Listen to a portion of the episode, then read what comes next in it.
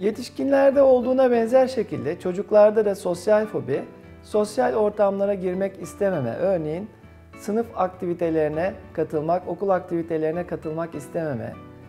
okulda derslerde bildiği halde elini, parmağını kaldırıp söz almak istememe e, gibi veya işte okullarda bildiğimiz şiir okumak, folklor gösterisi gibi gösterilere katılmak istememe şeklinde belirtilerle karşımıza çıkabilir.